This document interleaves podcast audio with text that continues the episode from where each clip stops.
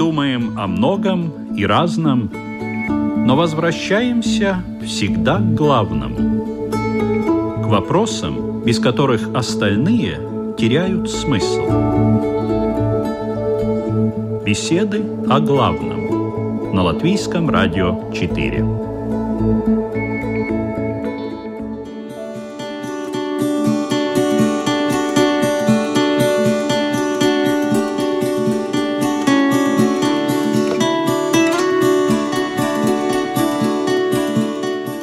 Здравствуйте! У микрофона ведущая программы Людмила Вавинска. Сегодня в беседах о главном мы поговорим о воздержании и экономии. Всегда ли экономия приводит к финансовому благополучию? Можно ли постоянно экономить, а на чем экономить не следует?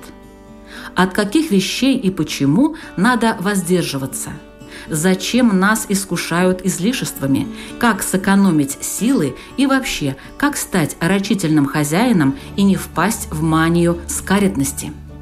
Надеюсь, у моих сегодняшних гостей будут советы по этим вопросам. Представляю их. Имам Кёльнской мусульманской общины Ибрагим Нур. Добрый день. Мир вам и вашему дому. И лютеранский пастор русской лютеранской общины Богоявления Павел Левушканс. Здравствуйте. Добрый день, здравствуйте. Итак, воздержание и экономия, рачительность или мания. И мы начинаем. Начинаем.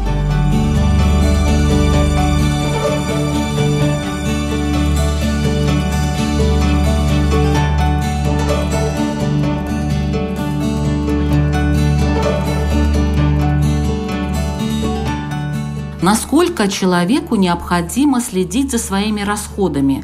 Как вы считаете, уважаемый Ибрагим? Ну, я думаю, нужно следить всегда и во всем. Иначе это наше эго ненасытное. В принципе, это прекрасный инструмент, созданный для наслаждений, для получения наслаждений, и оно может насытиться только в вечности только в раю может э, оно насытиться. И поэтому здесь, помогая э, святыми писаниями, помогая его воспитанием э, сердцем, душой и так далее, мы должны его, сдерживая, практически во всем стараться экономить. Иначе этот навс, как сорванная, извиняюсь за выражение, с цепи собака, будет бегать и убегать по всем углам, пока ее опять не поставишь на цепь. Что вы на это скажете, уважаемый Павел? Здесь, на мой взгляд, очень важно провести границу между экономией и скупердяйством или жадностью. Экономия – это означает рациональное или рачительное распоряжение теми дарами, которые дает Бог. Библия нам говорит о том, что богатство и благословение финансовые, они тоже являются частью или следствием духовной жизни человека. И я здесь имею в виду, конечно же, не сверхбогатство, а вот те деньги, которые необходимы нам для проживания. И насколько рационально мы ими распоряжаемся. Конечно же, это касается нашего распоряжения Божьими дарами. Причем мы призваны распоряжаться ими не только для себя, но и для блага ближнего человека. Например, в Священном Писании говорится, «Милосердный будет благословляем, потому что дает бедному от хлеба своего». В книге притчи 22 главе. То есть милосердие, благотворительность, помощь другим людям, служение своими финансами обществу или общему благу, это тоже является частью библейской картины мира.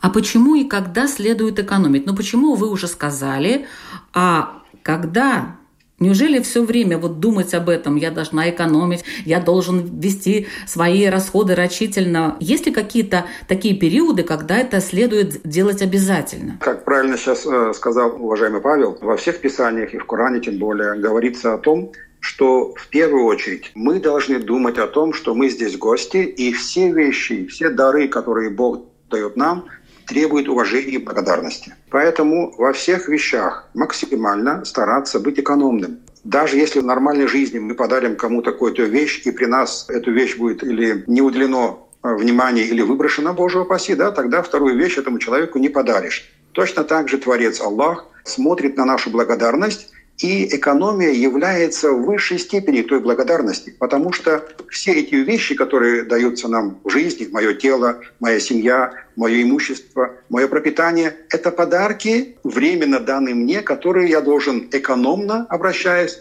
благодарить Творца за них. Поэтому даже открывая кран воды, умываясь утром, скажем, я могу открыть его наполовину, а не на всю мощь. И это будет такой же результат, я умою спокойно лицо. Но в этом случае я сэкономлю. То есть я должен думать о том, что каждый вздох, каждый взгляд, каждое движение – это подарок, и относиться к нему уважительно, экономно. В книге притчи в 30 главе есть замечательные строки. «Суету и ложь удали от меня, нищеты и богатства не давай мне. Питай меня насущным хлебом, дабы, присытившись, я не отрекся от тебя и не сказал бы, кто Господь, и чтобы, обеднев, не стал красть и употреблять имя Бога моего в суе. Ну, а в другом месте говорится, лучше бедный, ходящий в своей непорочности, нежели тот, кто извращает пути свои, хотя он и богат. Вот именно об этом Иисус неоднократно в своих притчах, историях, встречах с людьми предупреждал об опасности надеяться только на мирские богатства, а не на Бога, а с другой стороны об опасности использовать те дары, которые Бог дает, только для себя и для своего эгоизма. Ну, условно говоря, если вам Бог дал деньги, вам Бог дал средства или дал талант приумножать деньги, например, талант к бизнесу, то Он дал это не для вас лично. Еврейские мудрецы говорили, что Бог создал бедных для того, чтобы богатые имели привилегию служить им. То есть в этом смысле, если человек достаточно богат, то служение тем людям, кто, может быть, менее обеспечен, это является для него источником духовного благословения, источником даже для духовного роста, наверное. Поэтому здесь очень важно соблюдать вот такой вот баланс и, с одной стороны, рачительно подходить к тому, что есть, может быть, даже экономить, для того, чтобы было чем поделиться с теми, кому сегодня хуже, чем вам, у кого меньше средств, меньше денег и меньше возможностей.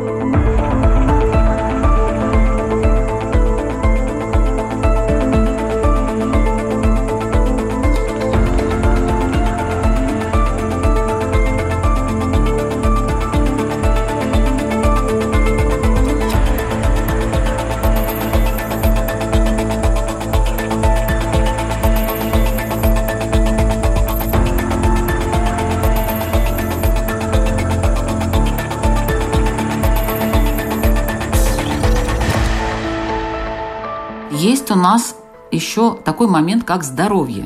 Можно ли экономить на здоровье? И как это делать таким образом, чтобы не потерять его? Золотая середина.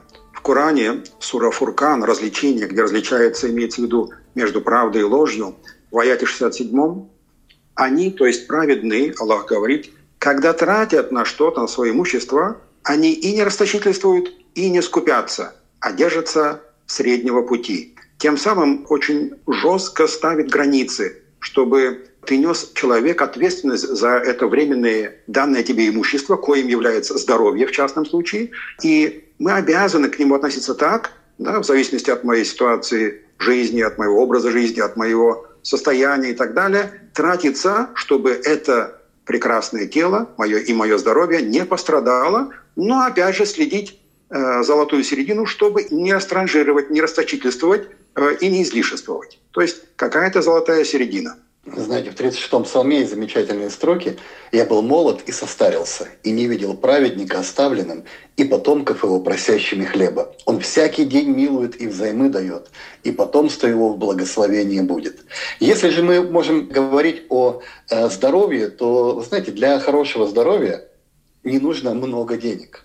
Не всегда нужно много денег я подчеркиваю. Конечно, если мы уже невоздержанной жизнью испортили его, тогда потребуется значительное вложение. Но для большинства людей, абсолютного большинства людей, если они с молодости поддерживают свое здоровье в хорошей форме, занимаются спортом, едят здоровую еду, не э, излишествуют с алкоголем, с жирным, с мясом, еще с чем-то, то, наверное, их здоровье будет в лучшем положении, чем у тех людей, кто, может быть, даже имея богатство, тратит его на то, что Священное Писание называет похотями плоти.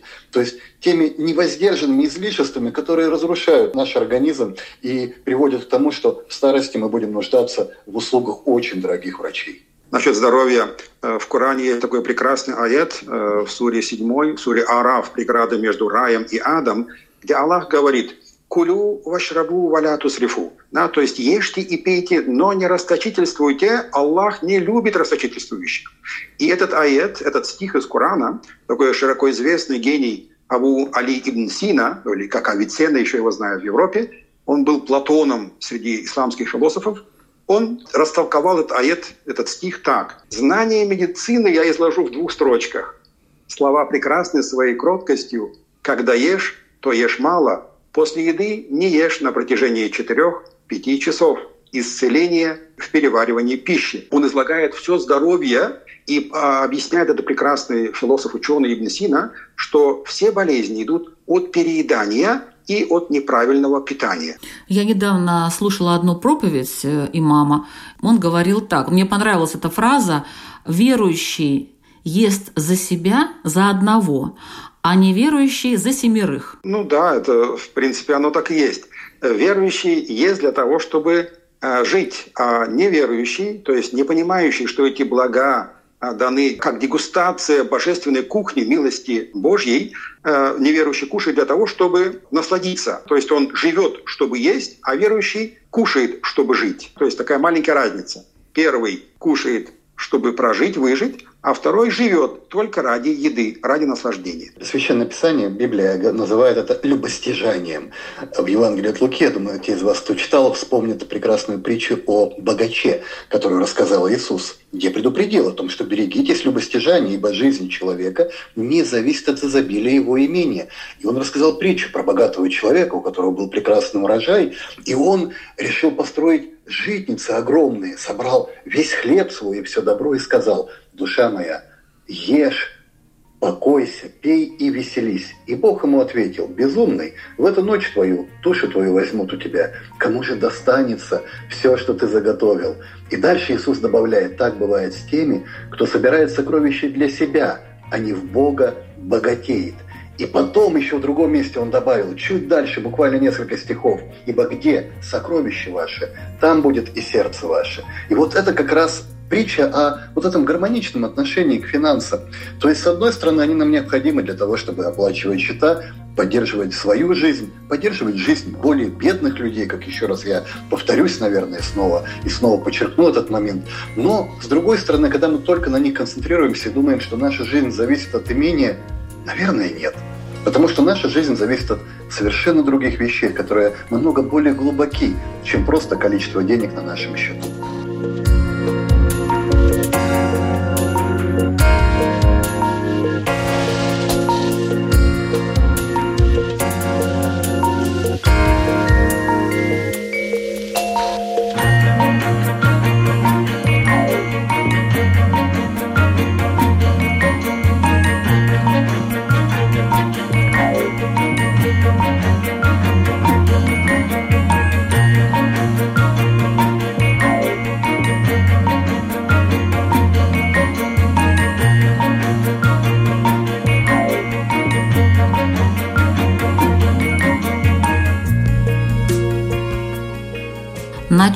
Никогда нельзя экономить, как вы считаете? Никогда нельзя экономить на благодарении и познании Бога. Это, я думаю, самая высшая степень, то есть ради чего мы созданы. Да? Мы гости Творца, Аллаха здесь на земле, и наша основная суть – жить с Ним, жить с нашим Творцом, тот, который бьет наше сердце. Ну а если посмотреть с материальной точки зрения, то есть рациональности жизни, я сам мастер по строительству, и знаю такую систему, допустим, их есть много примеров.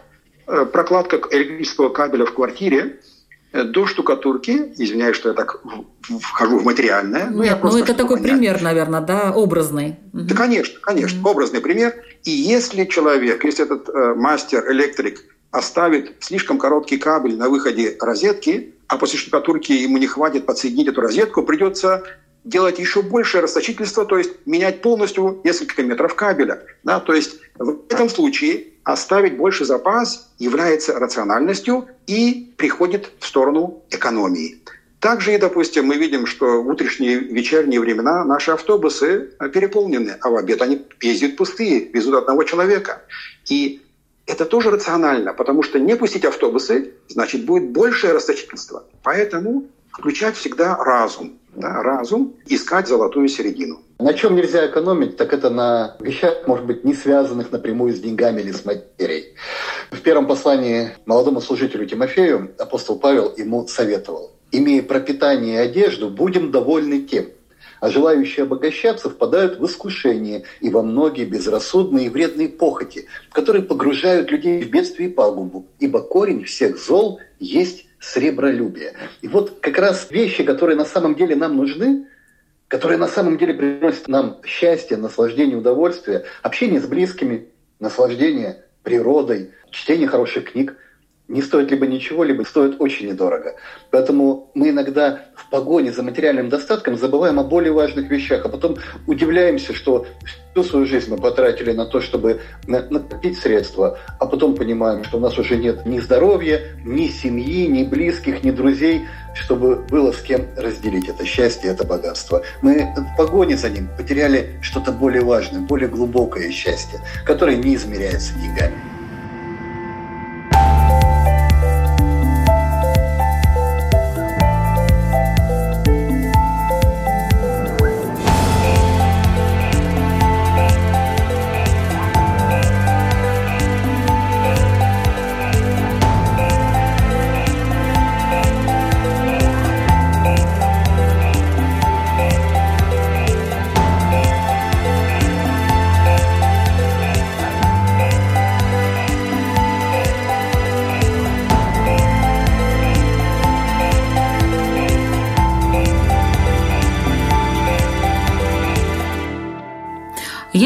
Вещи, которые человеку жизненно необходимы?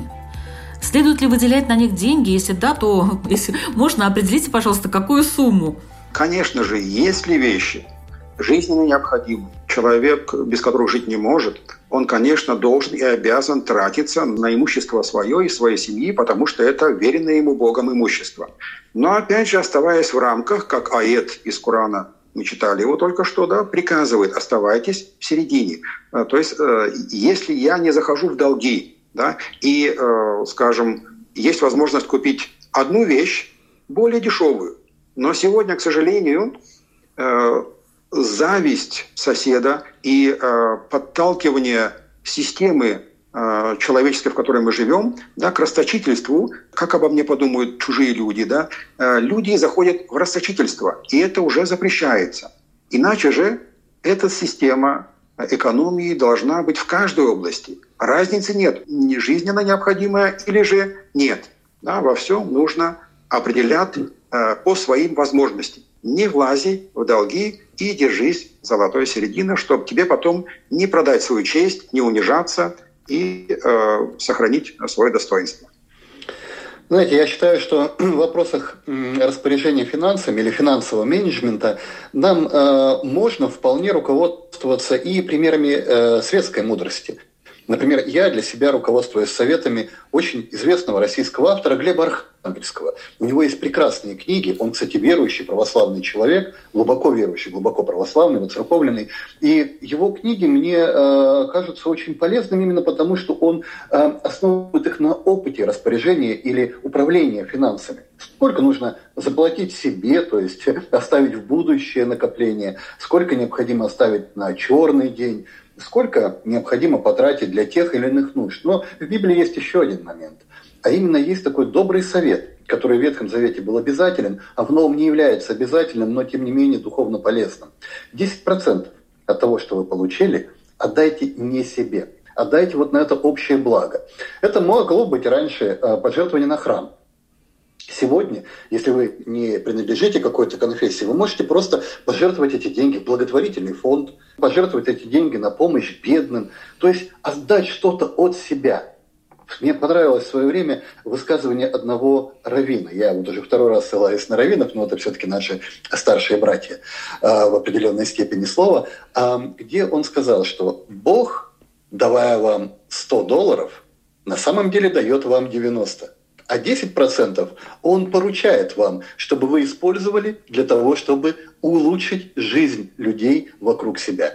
Вот последуйте этому примеру и все-таки попробуйте несколько месяцев, может быть, 10% отдавать на благотворительность. И вы увидите, что даже сама это вот действие, отдавание от себя чего-то, что не принесет вам никакой материальной пользы сейчас или в будущем, изменит вашу жизнь. Вот эта тема благотворительности, она довольно интересная, и она, кстати, довольно сложная на самом деле. Всегда ли мы должны помогать вот именно бедным, да, например, страждущим? Почему не помогать, э, скажем, э, не покупать картины талантливых художников? Это тоже помощь каком-то плане. Это не просто, скажем, выделение денег тем, кто нуждается в деньгах, а тем, кто действительно создает какие-то ценности, которые в дальнейшем, может быть, обогатят все человечество. Ну, это вот мои такие мысли. Возможно, мы когда-нибудь эту тему затронем.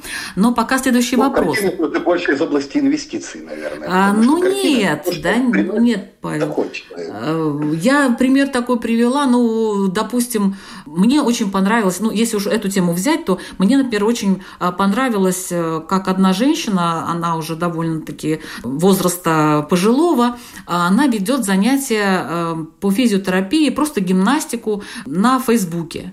Мне понравилась ее аура, мне понравился ее какой-то такой буквально э, девчоночий задор, как она все это делает, с какой любовью. И я взяла и просто ей перечислила деньги за месяц. Я не ходила на эти занятия, я их не смотрела. Я ей просто написала «Спасибо за то, что вы делаете», и все. Вот я не знаю, как это назвать. Это благотворительность или это я не знаю даже, как это назвать, если честно, вот, может быть, вы назовете это как-то. Но вот я считаю, что когда вот не просто даешь человеку, потому что он нуждается в деньгах, а потому что, ну вот, мне нравится, что он делает, и мне от него ничего не надо. Конечно, это прекрасное ваше состояние души, и оно тоже приветствуется в религии. Да, но в исламе Аллах, э, как мы сказали, подчеркивает – что эти дары не ваши, это мое. Я вам даю, и вы должны расходовать так, как мне угодно. Поэтому в исламе есть, как в принципе во всех конфессиях, Бог и в Ветхом Завете, и в Новом Завете говорит, что есть определенные, как скажем, закят по-арабски, то есть помогать нищим, скажем так, да, давать какую-то милостину, а есть и свободный выбор э, кому-то помочь материально, то есть подать милостину. Но а это с Корана э, «Вамимма разакнахум юнфикун» Аллах ставит четкие пять условий, где и кому вы можете дать эту помощь. Например, это как бы одно из чудес этого короткого аета, где в пяти э, ступенях рассказывается, где ты можешь потратить свои деньги. Первое. Ты можешь потратить деньги так, чтобы не потом не стать самому нуждающимся. Второе. Давать от своего имущества, да, минма, то есть то, что тебе я дал, говорит Аллах. Не делать одолжение, потому что это мое. Я тебе дал, и ты должен передать другому. Четвертое – дать милостину внимание, кто тратит на пропитание или нужды. То есть тот, кто будет тратить просто расточительно или на алкоголь, или на что-то еще, мы не имеем права давать. Это не мое. И последнее условие – во имя Бога давать, то есть во имя Аллаха давать, потому что это не мои вещи. В Библии есть очень похожее место в книге Тавита, в 4 главе, говорится, давай алчущему от хлеба твоего и ногим от одежд твоих. От всего, к чему тебя избыток, твори милостыни, и да не жалеет глаз твой, когда будешь творить милостыню.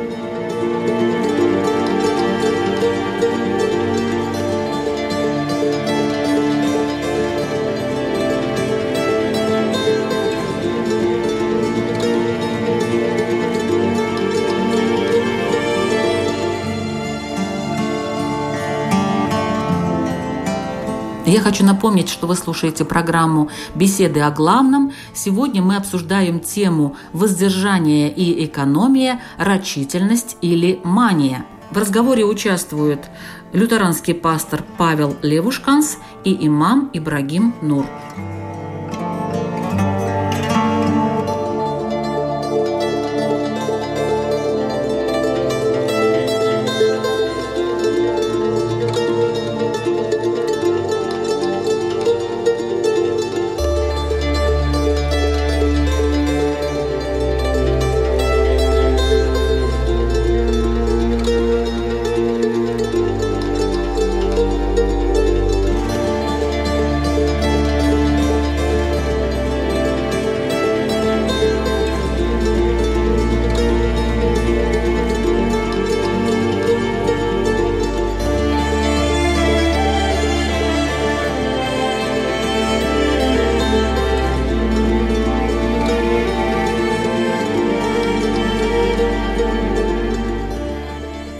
Ли вообще экономный человек имеет достаток? Вот, э, скажем, я экономлю, экономлю, у меня деньги сохраняются, я должна кому-то, может быть, подарить, там, дать, там, помочь нуждающимся, но всегда ли у меня есть достаток, если я экономна? Или эти вещи не связаны друг с другом? Абсолютно всегда. Потому что это милость Божья. Экономия равно равняется благодарность за подарки Аллаха. И поэтому, конечно же, Аллах дает, как он говорит в Коране, достаток из мест, из которых вы даже и не подозревали. Э, в пример тому есть такая притча про Моисея, мир ему, в Коране и в хадисах, когда он был после спасения э, сынов Израиля настолько обогатился, что боялся, что не сможет отблагодарить Бога, Аллаха за эти подарки. И попросил у него, чтобы он забрал часть богатства, чтобы он не стал в числе неблагодарных. Бог ему в духовном ответе сказал, Тогда кушай стоя. Когда кушая стоя, Моисей заметил, у него падают крошки. Он привязал платочек, чтобы собирать эти крошки. И кушал потом эти крошечки. Да? То есть даже к этим крошечкам проявлял уважение. И заметил, что его богатство увеличивается.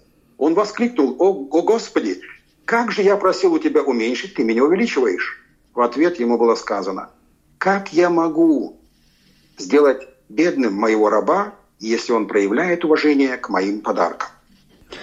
Ну, апостол Павел, который для нас всех является одним из примеров для подражания и фактически главным теологом раннего христианства, писал в своем послании христианам в городе Филиппах. Он говорил, «Умею жить и в скудости, умею жить и в изобилии. Научился всему и во всем и насыщаться, и терпеть голод, и быть и в обилии, и в недостатке. Ну и мы знаем, что когда он приходил в какой-то город, где ему община а, давала вспомоществование, он, он проповедовал столько, сколько необходимо.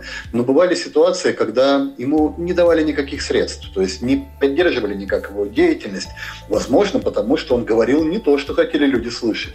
И тогда он шил палатки, то есть занимался обычным ремеслом и, трудясь руками своими, в свободное время проповедовал Евангелие.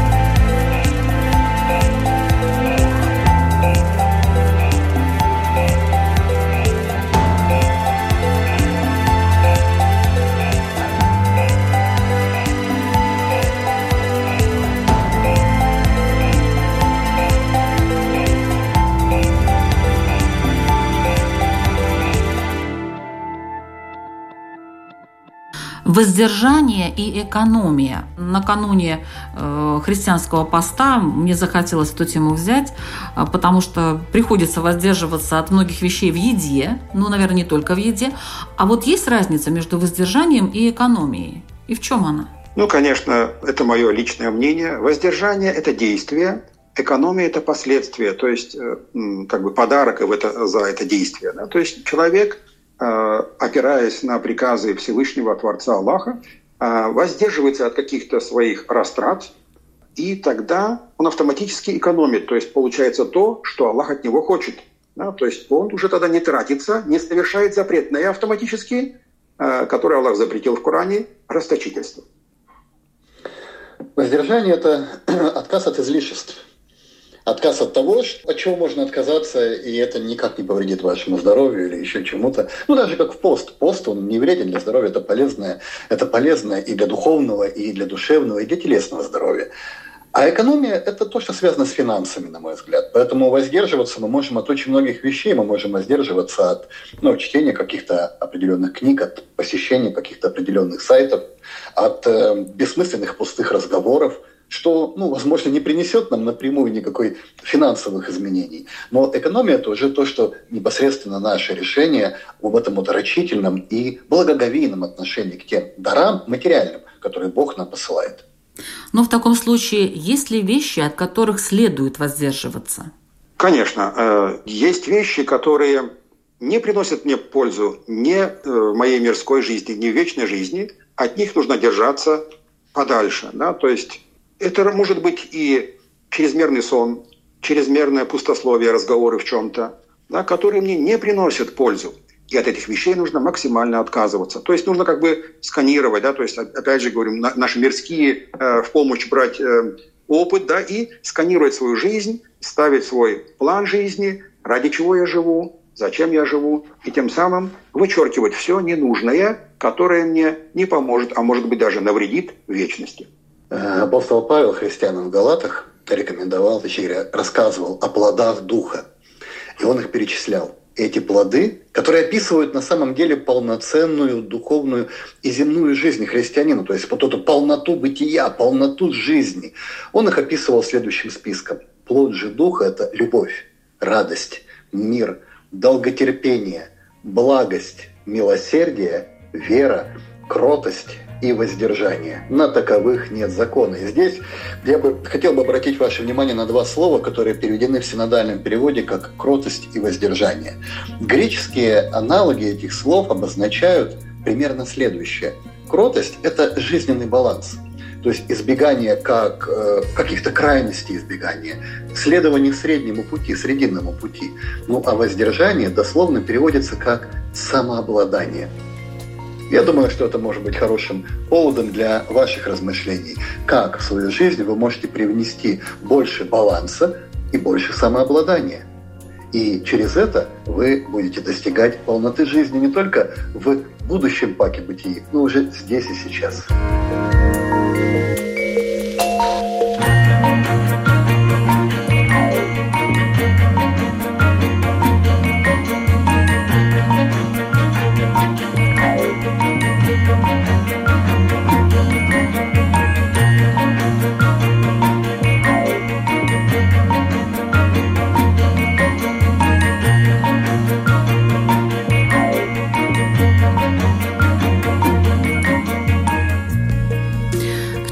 Может привести экономия времени? Надо ли вообще время экономить и для чего? Конечно, нужно. Для того, чтобы больше уделить времени тому, кто дал нам это время. Да? То есть, к сожалению, у нас времени нет на того, кто дарует нам это время. Да? Мы сегодня проснулись, Аллах дарит нам те 24 золотые монеты, 24 часа, из которых Он предлагает нам потратить, поделить их на 4 части. То есть часть отдать отдыху, часть отдать зарабатыванию на пропитание, часть отдать семье. И, к сожалению, многие перемешивают эти часы и 20 часов отдают только на мирское, на зарабатывание для своей прихоти и мирского. И тем самым у них не остается времени на того, кто дал им это время. Э, мы живем благодаря тому, кто бьет мое сердце. И не только для него, конечно, экономить время нужно, если мы посмотрим, я просто сказал самую основную версию, потому что это сегодня актуально. Посмотрите на весь мир, к чему он катится. Люди упали в материализм и безбожие. Основная масса. Пусть то исламский мир или, или христианский мир, да, или в общем. Да, люди настолько материально смотрят на вещи, что забыли о том, кто дал им это время.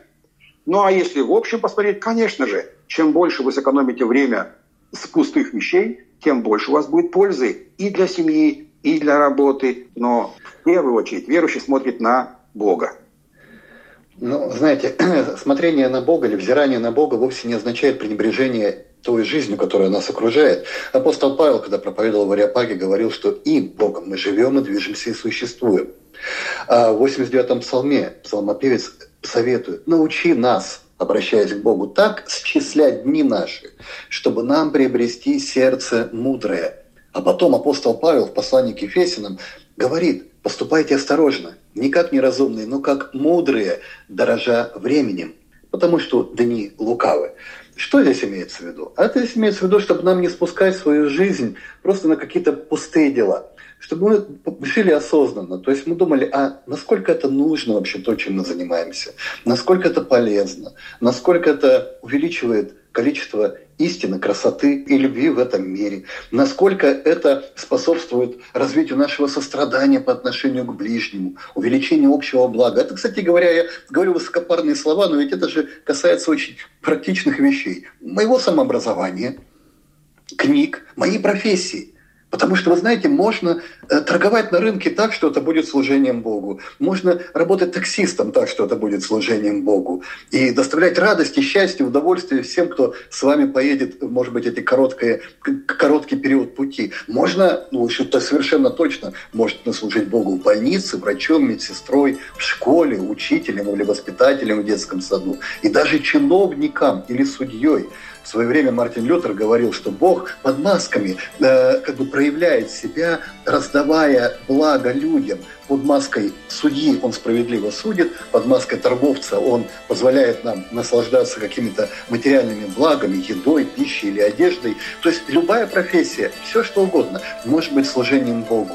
И поэтому очень важно э, дорожить временем, быть мудрыми, чтобы не потратить его впустую, но раскрыть все эти дары, которые он нам дал. И раскрыть эти дары правильно, не для своего эгоизма, но для увеличения блага вокруг, для того, чтобы дарить счастье, любовь и радость окружающим.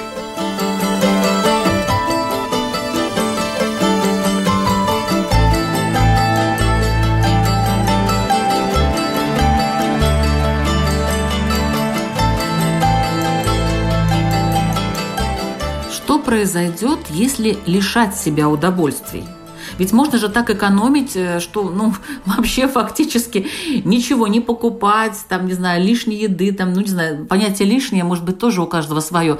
Не покупать себе новую одежду, не покупать себе э, еду, которую хочется. В общем, всячески себя ограничивать и таким образом считать, что вот я такой экономный. Но что же произойдет, если лишить себя, лишать себя постоянно удовольствий? Ведь все-таки удовольствие – это ну, радость какая-то в жизни, правильно? Да, вы знаете, когда слишком много удовольствий, и когда вы присыщаетесь ими, то есть вы уже не можете ими э, по-настоящему насладиться, когда слишком много всего хорошего, когда есть любая еда, любые напитки, кругом какие-то наслаждения, там вы живете на Бали, вы купаетесь в море и пьете э, коктейли из кокосового молока и так далее, постепенно вы перестаете чувствовать от этого радости, удовольствия. И этому есть научное объяснение. Дело в том, что у вас есть нейромедиатор, отвечающий за мотивацию вознаграждения, дофамин. И когда его слишком много, когда вы становитесь таким дофаминовым наркоманом, у вас возникает уже некоторый иммунитет, и он на вас перестает действовать. Не зря же сегодня, вот в наши дни, самым, одним из очень популярных видов э, такого биохакинга или э, работы над собственным организмом являются так называемые дофаминовые детоксы. Что это такое? Да это пост, говоря попроще. То есть люди специально, светские люди, неверующие, не церковные, постятся, то есть они отказываются от социальных сетей, отказываются от вкусной еды, даже от книг, даже от чего-то, от всего, что при, вызывает мотивацию и вознаграждение, удовольствие на 24 часа или даже на 48 или 72. Для чего? Для того, чтобы потом, вернувшись обратно к обычной жизни, более остро и глубоко переживать радость от самых простых вещей. Чтение книжки, э, бутерброда с колбасой и сыром, или э, общение с друзьями и близкими. Поэтому пост – это, в общем-то говоря, э, традиция многотысячелетняя дофаминового детокса, которым сегодня увлечена вся модная молодежь и в Силиконовой долине, и в других таких вот очень продвинутых местах и сообществах. Что же произойдет, если лишать себе удовольствий? Произойдет очень прекрасная вещь. Осознание ценности тех удовольствий, которых мы себя лишили, и побудить их благодарности к этим подаркам. Потому что все познается в сравнении. Когда я чего-то лишаюсь, тогда только я познаю ценность той вещи. Как раз таки у нас через две недели, примерно две с половиной недели начинается пост Рамадан. Я поздравляю заодно всех э, верующих, кто присоединится к этому посту, где от э, зарева до заката солнца мы полностью отдаляемся от мирских удовольствий для того, чтобы именно в первую очередь познать ценность тем дарам, которым я не хозяин, да, и еще более вечером вкусить те подарки, которые Бог заложил э, в рецепторах моего языка, в моей душе, в сердце, в разуме, который может осознать эти подарки. И э, это является, конечно же, пост. А насчет жизни, то, что мы отдаляемся от этих удовольствий и наслаждений, в Коране Аллах говорит – Ваше время жизни как моргание глазом, а может быть еще быстрее. Поэтому-то все вещи, которые не принесут вам пользу на вечности, они останутся здесь. Оставьте их. Поэтому-то более нужно стремиться к развитию сердца, души и познанием о Творце. А почему же нас Бог искушает излишествами и этими удовольствиями? Вот это какое-то такое искушение, которое, ну, ничем не обосновано, мне так кажется, нет? Дело в том, что Бог, э, опять смотрите, мы смотрим со своей колокольни, да, почему меня? Но мы должны как можно чаще становиться на позицию мысли, или, ну, если так можно выразиться, конечно, да, что желает Бог. А Он желает, как мастер, абсолютно Э, абсолютный обладатель красоты и могущества, показывая все эти подарки, да, он расстелил их по Вселенной, и нас, как гостей на этой выставке, приглашает, побуждает поблагодарить, стать покупателем этих подарков и стремиться их заработать в вечности в раю. Да? Поэтому разумный человек поймет, что это выставка. Да? Когда вы приходите на выставку, вы же не пытаетесь забрать эту картину с собой, правильно же? Вы восхититесь и постараетесь Э, заслужить э, уважение этого мастера этой картины, э, чем благодарностью, восхищением. И тогда вы получите, может быть, эту картину в подарок. Прекрасно. Ну а второе, ну а второе, мир – это испытание. Конечно же, как на любом экзамене, учитель дает нам вопрос э, и дает пять ответов, из которых только один правильный. И мы должны выбрать тот, который нужно – благодаря книгам, пророкам всем. 124 тысячи пророков Бог послал как учителей да, от Адама, Моисея, Ноя, Иисуса, Мухаммада, как учителей, чтобы подсказать нам, какой же взять ответ. И все они говорят, оставь мирское, стремись к вечности. Интересно, что мы его сейчас беседуем э, такой на границе. Э, скоро будет мусульманский пост Рамадан – а, уже начался православный пост, православной церкви.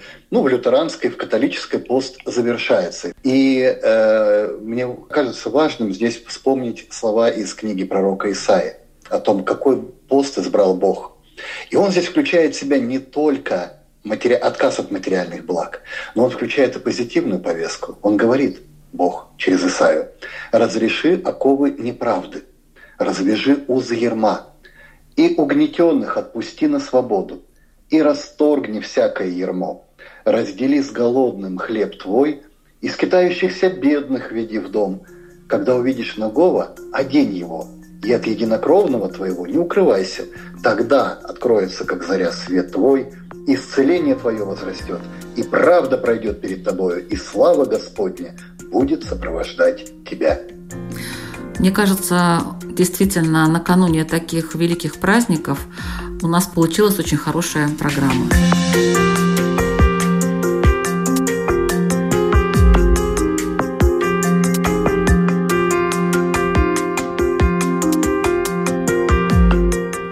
Заключение нашей программы я хочу поблагодарить участников, а это имам Э, Ибрагим Нур и лютеранский пастор Павел Левушканс за, я считаю, очень мудрые и полезные для всех нас слова и попросить э, их задать свои вопросы нашим слушателям, чтобы вы, уважаемые слушатели, сами для себя на них ответили. Пожалуйста, первый вопрос задает Павел Левушканс. Ну, я уже вам предлагал э, немножко подумать о том, как привнести в свою жизнь больше баланса и самообладания для того, чтобы достичь вот этой полноты бытия. Ну, а моя рекомендация – просто попробуйте эксперимент.